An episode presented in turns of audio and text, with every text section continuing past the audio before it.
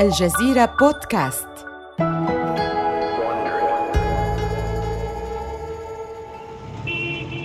إنه ديسمبر عام 1931 تجاوزنا عدة بنايات من وول ستريت في مدينة نيويورك.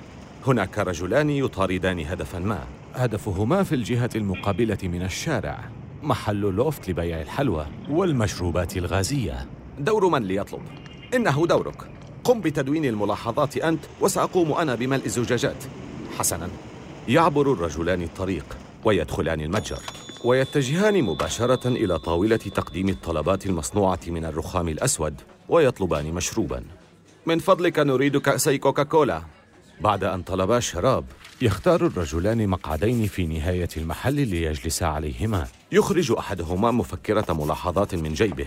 يدون التاريخ والوقت. لكنه يتوقف ويغلق مفكرته حين يأتي الساقي بكأسي الكولا. أما مرافقه فما إن ينصرف الساقي؟ حتى يفرغ بعض محتويات الكأس في زجاجة صغيرة بينما يستمر الآخر في التدوين. هل أخذت العينة؟ نعم يمكننا الرحيل الآن. يهم الرجلان بالرحيل وقبل أن يصلا إلى الباب. ينتبه الساقي إلى أنهما لم يمسا مشروبيهما. عفوا سيدي. هل هناك مشكلة ما في بيبسي كولا الذي قدمته لك؟ يبتسم صاحب المفكرة بتكلف. لا ليس هناك أي مشكلة. ثم ينصرفان. لا يعلم النادل أنه وقع ضحية خدعة من محققين من رجال جيش كوكاكولا السري.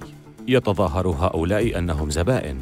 ويجوبون البلاد بحثا عن مقلدي كوكاكولا ويجمعون المعلومات والدلائل. التي تقاضي بها الشركة المقلدين. تعيش مصانع المياه الغازية في خوف منهم. لقد نجحوا خلال عشر سنوات في القضاء على آلاف المنافسين. بعد مرور ثلاثة أشهر في مارس عام 1932 يصل ساعي بريد إلى مصنع لوفت للحلوى في مدينة لونغ آيلاند. يحمل ساعي البريد مظروفا بنيا كبيرا موجها إلى تشارلز جوث رئيس مصنع لوفت للحلوى. ومالك شركة بيبسي كولا. يرشد موظف الاستقبال الساعي إلى مكتب بعيد في نهاية المصنع. يستنشق ساعي البريد الرائحة الشهية للشوكولاتة الدافئة وهو يعبر المبنى. يمر بين صفوف العمال الذين يغلفون صناديق الحلوى حيث سيتم بيعها في متاجر لوفت التي يزيد عددها عن 200 متجر في نيويورك. يصل الساعي أخيرا إلى مكتب جوث. أدخل. يبدو المكتب كغرفة محاكمة. يجلس جوث على مكتب كبير فوق منصة مرتفعة. لا يتجاوز طول جوث أكثر من خمسة أو ستة أقدام لكن موقعه المرتفع يجعله يبدو مهيبا وهو ما يعجب جوث. إنه يريد أن يرفع الناس رؤوسهم لكي يروه بينما ينظر هو إلى الأسفل حين يتحدث إليهم. يقف الساعي على أطراف أصابعه وهو يمرر الطرد إلى جوث. سيد جوث لقد وصلك هذا الطرد الآن. لم يكترث جوث. كان يعلم أن هذا اليوم آت لا محالة. اليوم الذي يلاحق فيه محامو كوكاكولا شركة بيبسي. متثاقلا يشير جوث بحركة من يده إلى الساعي بالانصراف ويمزق غلاف الظرف ورقة تلو الأخرى. يرى تفاصيل الأوقات التي قدم فيها عمال محلات لوفت بيبسي بدلا من كوكاكولا التي طلبها مفتشو كوكاكولا السريون. لكن جوث لا يكترث بالأمر. قد تعتقد شركة كوكاكولا أنها أوقعت به لكن جوث ليس أحمقا. إنه يسبق كوكاكولا بخطوة. من الجزيرة بودكاست بالتعاون مع وندري. هذا بودكاست حروب الأعمال.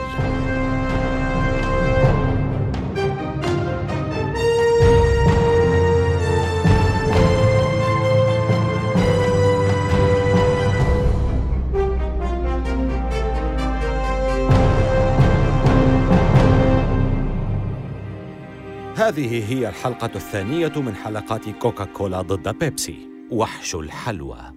في الحلقة السابقة أصبحت كوكاكولا مشروب المياه الغازية المفضل في أمريكا. نجاحها أسفر عن مئات المقلدين. من هؤلاء مشروب كولا في ولاية كارولاينا الشمالية يحمل اسم بيبسي.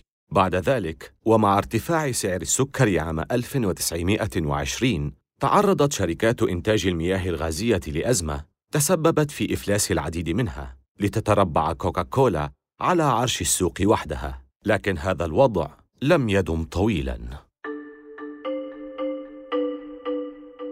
لا تصدق عائلة لوفت حظها. إنه يوليو عام 1929 وهم في حضرة تشارلز جوث. الذي يعود له الفضل في نجاح مشروب الشوكولاتة الشهير ميفيس. على الطاولة عقد سينقذ سلسلة متاجر لوفت للحلوى والمشروبات الغازية المتعثرة. سيعطيهم العقد حصة تضمن لهم الاحتفاظ بالإدارة. وفي المقابل يحصل جوث على حصة صغيرة من متاجر لوفت ومقعد في مجلس الإدارة. يبدو جوث رجلا جديرا بالاحترام جذابا ذكيا وأنيقا. ببذلته المحكمة وقبعته المستديرة ومعطفه الفاخر وخاتمه الماسي الضخم الذي يلمع في إصبعه. كل هذه المظاهر توحي لمن يراه أنه تاجر ثري ناجح. هناك رائحة ما تفوح في الجو ليست رائحة شوكولاتة بالطبع. ما هي؟ نعم تشم العائلة رائحة المال. وقعت عائلة لوفت على العقد. بعد التوقيع تبادلوا الابتسامات وتصافحوا. لكن لو تتبعت عائلة لوفت تاريخ جوث قبل توقيع العقد لترددوا كثيرا في التوقيع. ربما كانوا قد عرفوا كيف بنى جوث إمبراطورية ميفيس عن طريق رشوة العديد من مصانع تعبئة المياه الغازية لفسخ عقودهم مع كوكاكولا لإنتاج مشروبه من الشوكولاتة. لسوء الحظ لم تدرك عائلة لوفت المظهر الخادع للمليونير المهندم الذي تظاهر بإلقاء حبل النجاة لهم. لم يستغرق الأمر وقتا طويلا ليدركوا خطأهم إذ بدأ جوث سريعا بتأليب الشركة ضد العائلة في سبيل فرض سيطرته أكثر على أعمالهم التجارية. الآن هو المسؤول عن محلات حلوى لوفت وهو يبحث عن طريقة لخفض التكاليف. يجد الحل مع 200 متجر لبيع المياه الغازية. تشتري الشركة الكثير من مشروب كوكاكولا. آلاف الجالونات تستهلكها المحلات شهرياً. يفكر جوث أن هذا يستحق أن يمنح لوفت خصومات جيدة من طرف الموردين. لذا يتصل جوث في شهر مايو عام 1931 بقسم المبيعات لشركة كوكاكولا بولاية أتلانتا ويطلب منهم الحصول على تخفيضات لكن الأمر لم يسر بشكل جيد. أنا آسف يا سيد جوث. سياسة شركتنا لا تمنح خصومات. في شركة كوكاكولا جميع زبائننا سواسية سواء كانوا دكاكين صغيرة أو كانوا متاجر لوفت للحلوى. أنا لا أكترث لسياسة شركتكم. أنا أطالب بخصم خاص لنا. إذا لم تقدموا لي خصما جيدا سأتوقف عن بيع كوكاكولا في منافذ البيع لدينا. سيد جوث تهديداتك لن تغير من سياستنا. يجب أن تدرك شيئا هاما. إذا كنت تريد حرمان زبائنك من مشروبهم المفضل افعل ما تشاء. ستندم على ذلك. ستندم. كان لدى جوث خطة بديلة. سيقوم باستبدال الكوكاكولا الموجودة في منافذ البيع بمشروب بيبسي. هل تذكر كيف أفلست شركة بيبسي كولا في مارس عام 1923؟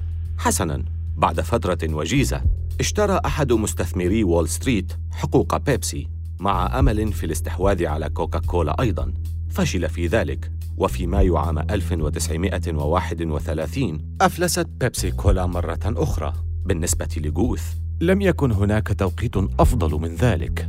استطاع أن ينتزع حقوق بيبسي بثمن بخس بعد أيام فقط من رفض كوكاكولا منحه التخفيضات التي طلبها لذا يغمره شعور بالرضا عن نفسه. كونه الآن أصبح جاهزاً لإزالة كوكاكولا من متاجر لوفت. لكن أولاً يريد جوث وصفة جديدة لبيبسي. صحيح أنه اشترى العلامة التجارية لكنه في الحقيقة لا يحب مذاق مشروب بيبسي لذا استدعى كيميائي الشركة إلى مكتبه. انظروا إذا كنا سنقوم ببيع هذه المنتجات فلا بد أن يكون مذاقها أطيب بكثير. هذا ما أريدكم أن تفعلوه. اجعلوها أفضل اجعلوها أكثر حلاوة. عاد الكيميائيون إلى المعمل. وبدأوا العمل في وصفة بيبسي الجديدة. أضافوا الكافيين إلى الكولا التي كان معروفا عنها أنها خالية من المخدرات. ثم أضافوا الكثير من السكر. كان جوث يرفض العينة المقدمة له في كل مرة. كان يرى أنها لا تحتوي على السكر بشكل كاف. بعد أسابيع من الأخذ والرد ظن الكيميائيون أنهم توصلوا للوصفة المثالية. أضافوا الكثير من السكر وقدموها لجوث لكنه رفضها مرة أخرى. بعد عدة ساعات عاد الكيميائيون بوصفة أخرى لبيبسي. وحينما هم جوث بتذوقها تكلم أحد الكيميائيين. سيدي يجب علي أن أحذرك أن هذا المشروب غير صالح للشرب في رأينا. إنه يحتوي على كثير من السكر. ارتشف جوث المشروب وهو يحدق في الكيميائي ببرود ويرمقه بنظراته الحادة من فوق مكتبه. هراء! هذا هو ما أريده. يحتوي على الكثير من السكر. هل تمزح؟ لهذا السبب أدير هذه الشركة. أنتم أيها الحمقى تعملون عندي. ما لم يعرفه جوث هو أن تلك الوصفة التي وافق عليها للتو هي نفس الوصفة التي رفضها منذ بضع ساعات. الوصفة الجديدة جاهزة. أمر جوث محلات لوفت بالتخلص من كوكاكولا. والبدء في بيع بيبسي. من المؤكد الآن أن جوث يعرف ما سيحدث. سترسل شركة كوكاكولا فريقها من مراقبي العلامة التجارية السريين إلى نيويورك. سيقضون وقتا في متاجره. محاولين الإمساك بأي من بائعي محلات لوفت وهو يقدم البيبسي لمن يطلب كوكاكولا. يوما بعد يوم سيجمعون الأدلة اللازمة لإثبات انتهاك العلامة التجارية ثم يحاولون القضاء على بيبسي بالقانون. لذا هيأ أغوث دفاعه جيداً حيث وجه أوامر صارمة إلى بائعي المشروبات الغازية ألا يقدموا بيبسي لأي زبون يطلب كوكاكولا بل ويمنح المحل مكافأة كبيرة لمن يقدم له بيبسي إذا طلب كوكاكولا. لكن الأمر لا يسلم من زلات ومحققو كوكاكولا موجودون لالتقاطها. لكن عندما تقاضي كوكاكولا بيبسي بسبب تلك الانتهاكات فإن تدابير جوث تؤتي ثمارها. بعد الاستماع للقضية يصدر القاضي حكما يصدم كوكاكولا. في حين استبدلت محلات لوفت بيبسي بكوكاكولا من الواضح لدي أن جوث حاول تقديم كل ما بوسعه لمنع حدوث ذلك. لذا فإني أسقط هذه الدعوة. كان يجب على كوكاكولا أن تناقش المشكلة مع جوث بدلا من اللجوء إلى القضاء. لم يؤثر انتصار جوث في المحكمة على المبيعات المزرية لشركة بيبسي. استمر زبائن متجر لوفت في تجاهل بيبسي. إنهم يطلبون كوكاكولا وليس أي بديل آخر لم يسمعوا عنه من قبل. مع أواخر عام 1933 بدأ أن شركة بيبسي ستعلن إفلاسها مجدداً لكن جوث لديه فكرة. بما أن المياه الغازية تتكون من الماء بشكل أساسي وهو رخيص كالتراب ماذا لو جعل ثمن زجاجة البيبسي التي يبلغ حجمها 330 مليلترا بنفس سعر زجاجة كوكاكولا التي تبلغ 175 مليلترا؟ ضعف الكمية بسنت واحد. هذا هو العرض الأمثل في فترة الكساد التي تمر بها أمريكا. ارتفعت مبيعات بيبسي. كانت الشركة بالكاد قادرة على ملاحقة الطلب المتزايد مع انتقال العائلات التي تعاني ضغوطا مالية إلى شراء بيبسي. تجاوزت الأرباح السنوية حاجز المليوني دولار ثم ثلاثة ملايين ثم أربعة ملايين دولار. بعد أعوام من المعاناة والأمال المحطمة عادت بيبسي من جديد. لكن مع ازدهار بيبسي كان متجر لوفت في ذبول. ومع حلول أكتوبر من عام 1935 لا تكاد متاجر لوفت تحقق أي أرباح. الحل عند جوث هو الرحيل. إنه الآن لا يهتم بشيء سوى بيبسي. فرحت عائلة لوفت بأنها استعادت السيطرة على الشركة ولكن تلك الفرحة لم تدم طويلاً. غادر جوث وترك لهم العمل وهو يحتضر. وخلال بحثهم في حسابات الشركة في محاولة لإيجاد حلول تنقذها يكتشفون أشياء غريبة. اكتشفت العائلة أن جوث كان قد استغل أموالهم لشراء شركة بيبسي كولا. وبدلاً من نقل ملكية بيبسي لعائلة لوفت احتفظ جوث بالأسهم لنفسه. كان من المفترض أن تمنح ملكية بيبسي لعائلة لوفت وليس لجوث. ولكن مع وضع الشركة المالي السيء لم يكن في استطاعة مسؤولي لوفت. أن يتحملوا تكاليف القضاء للمطالبة بحقهم في بيبسي. لذا فقد لجأوا إلى أفضل الخيارات المتاحة. طلبوا المساعدة من والتر ماك. والتر ماك النشيط ذو الشعر الأسود المصفف إلى الخلف والمعروف في نيويورك باستثماره في الشركات التي تشرف على الإفلاس. يبحث عن الأعمال التجارية المتعثرة يستثمر فيها يطور أعمالها ثم يبيعها بمبلغ كبير. عمل مربح. أكسبه الكثير وجعله ثرياً. في الحقيقة جعله فاحش الثراء. سمع ماك عن أمر عائلة لوفت وأنهم يطلبون المساعدة فوافق على أن يستثمر في شركتهم. سيقوم بتمويل الإجراءات القانونية المطلوبة لانتزاع بيبسي من يد جوث. استمرت القضية شهوراً وفي سبتمبر عام 1938 التقى ماك وجوث للمرة الأولى في قاعة المحكمة بولاية ديلوير لسماع حكم القاضي الذي سيحدد مستقبل بيبسي. والقاضي مستعد لإغلاق هذا الفصل من القضية. لقد استغرقت هذه القضية المرهقة وقتا طويلا ولكن من الواضح أن سيد جوث استغل أموال شركة لوفت وأدواتها وكوادرها لشراء وتطوير شركة بيبسي للمشروبات الغازية. لولا موارد لوفت لما كان نجاح بيبسي ممكنا. لذا يجب على جوث أن يتنازل عن حصته في بيبسي لعائلة لوفت. تعالت الابتسامات من جهة فريق لوفت قبل أن يظهر المحامي الخاص بجوث. نود أن نستأنف الحكم. تنهد القاضي وهو يحاول أن يكسو حكمه صرامة وحكمة. بالطبع لك ذلك. وحتى تصدر محكمة الاستئناف قرارها سيدير الطرفان شركة بيبسي معا. سيد جوث سيكون المدير العام. وعائلة لوفت ستختار شخصا ليكون المسؤول من طرفها. رشحت عائلة لوفت ماك ليكون المسؤول. وبينما كان القاضي يضع شروط الاتفاق رمق ماك وجوث بعضهما البعض بنظرات حادة. من المحتمل أنهما يفكران في نفس الشيء معا. تلك الشراكة أشبه بالزواج في الجحيم.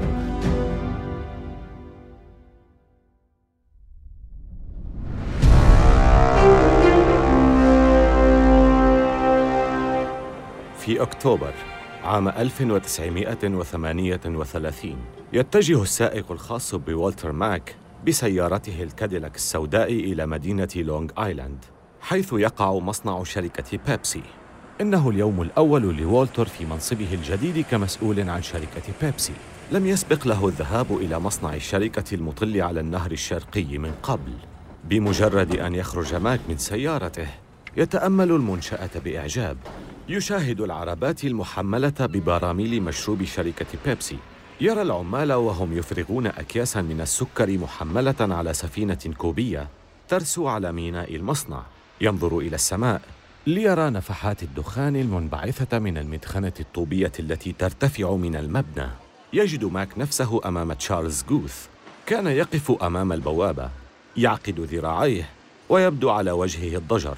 يتجه إليه ماك. يمد يده للمصافحة لكن جوث يبقى عاقدا ذراعيه. أخيرا وصلت. دعني أصحبك إلى مكتبك.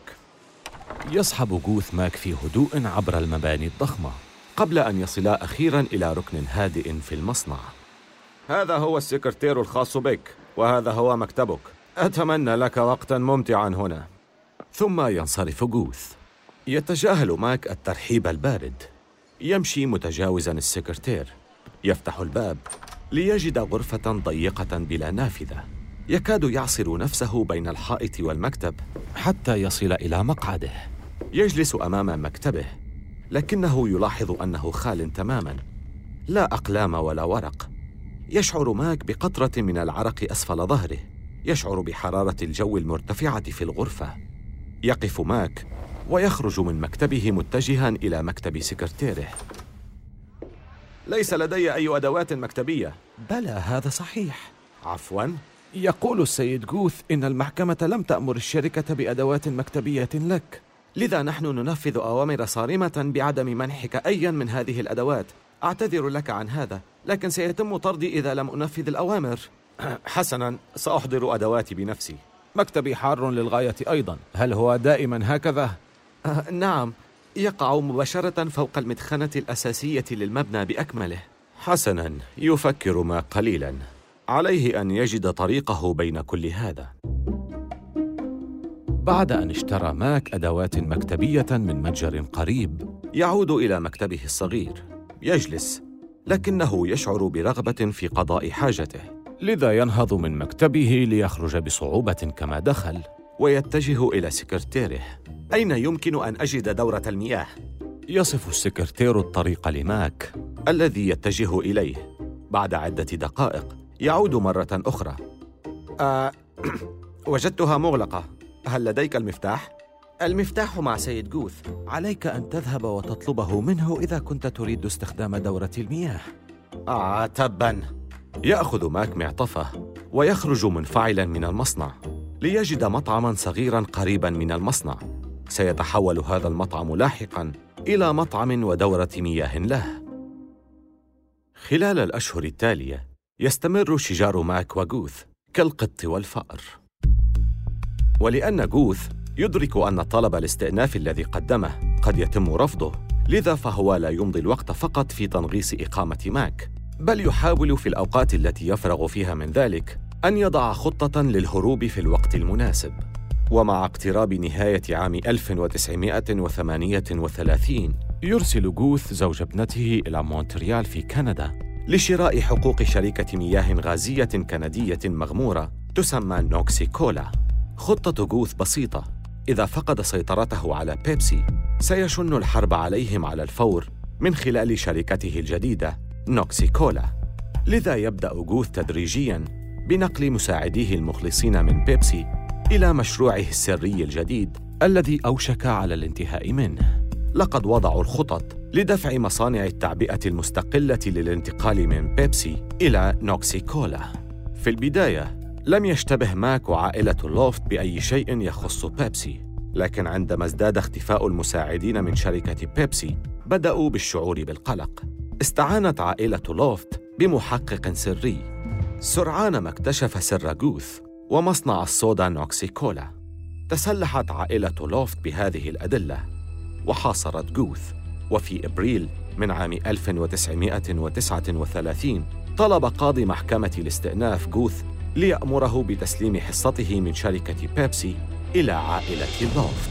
انتهت اللعبة وكان الفوز من نصيب عائلة لوفت.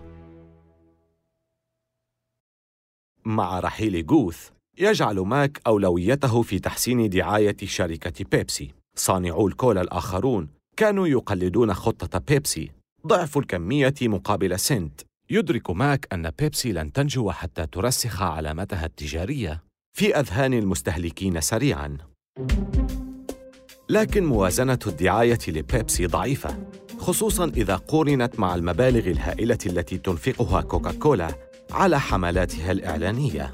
لذا على ماك أن يجد طرقاً أقل تكلفة وتحقق أثراً عميقاً وسريعاً يجد الفكرة. في عام 1939 يقوم باستئجار طيار ليقوم بكتابة كلمة بيبسي كولا في سماء المدن الكبرى في الولايات المتحدة.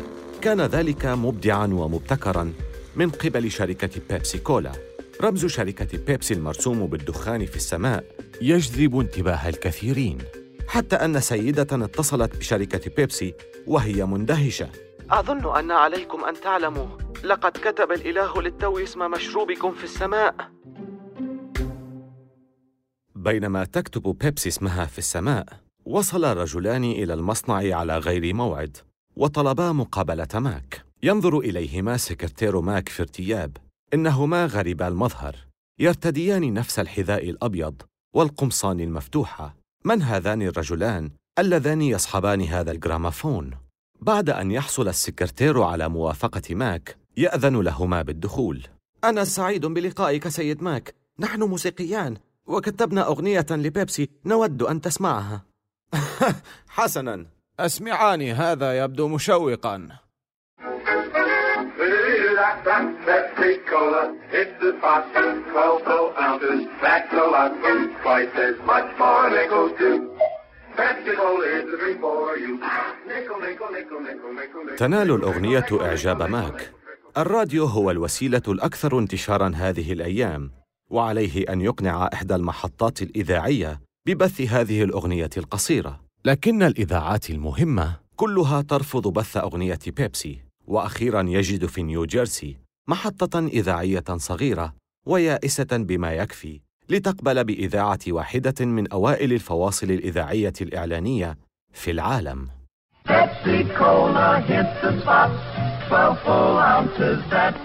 بمجرد بث الأغنية على محطات الإذاعة، زادت مبيعات بيبسي في نيوجيرسي، والآن تلح جميع المحطات الإذاعية التي رفضت سابقاً إذاعة أغنية بيبسي على ماك لكي يسمح لهم بإذاعة الأغنية. حتى إن بعض هذه المحطات بثت الأغنية مجاناً دون أن تأخذ أجراً على ذلك. في كل مرة تذاع أغنية بيبسي تزداد مبيعاتها أكثر وأكثر. وفي نهاية عام 1941 لا تستطيع شركة كوكاكولا أن تتجاهل منافس صناعة المياه الغازية الصاعدة في نيويورك. لأول مرة منذ أعوام يظهر لكوكاكولا منافس قوي. تبدو الأمور جيدة بالنسبة إلى بيبسي، لكن أخباراً صادمة تصل من هاواي. دخلت أمريكا الحرب الآن، وهو ما سيصب في مصلحة كوكاكولا. في الحلقة القادمة من كوكاكولا ضد بيبسي، ستنضم كوكاكولا إلى صفوف الجيش، بل إلى الخطوط الأمامية في الحرب العالمية الثانية، في الوقت الذي تقاتل فيه بيبسي على الجبهة الداخلية على البقاء في المقدمة. آمل أن تكونوا قد استمتعتم بهذه الحلقة من حروب الأعمال. استمعوا إلى حلقاتنا عبر أبل بودكاست وجوجل بودكاست وشاركوها مع أصدقائكم ولا تنسوا زيارة موقعينا على الإنترنت podcast.aljazeera.net و wandry.com وملاحظة سريعة حول المحادثات التي سردناها. لا يمكننا أن نعرف بالضبط ما قيل ولكن هذا الحوار مبني على أفضل الأبحاث التي قمنا بها. هذه السلسلة من حروب الأعمال قدمها في نسخة اللغة الإنجليزية ديفيد براون وكتب القصة كريستيان دونوفان مؤلف كتاب كيف هزت المياه الغازية العالم. محررة النسخة الإنجليزية وكبيرة المنتجين هي كارين لوي والمنتجة جيني لور. وقامت شركة Bay Area Sound بالهندسة الصوتية والمنتج المنفذ هو مارشيل لوي. أخرج السلسلة هرنان لوبيز لصالح شبكة Wondery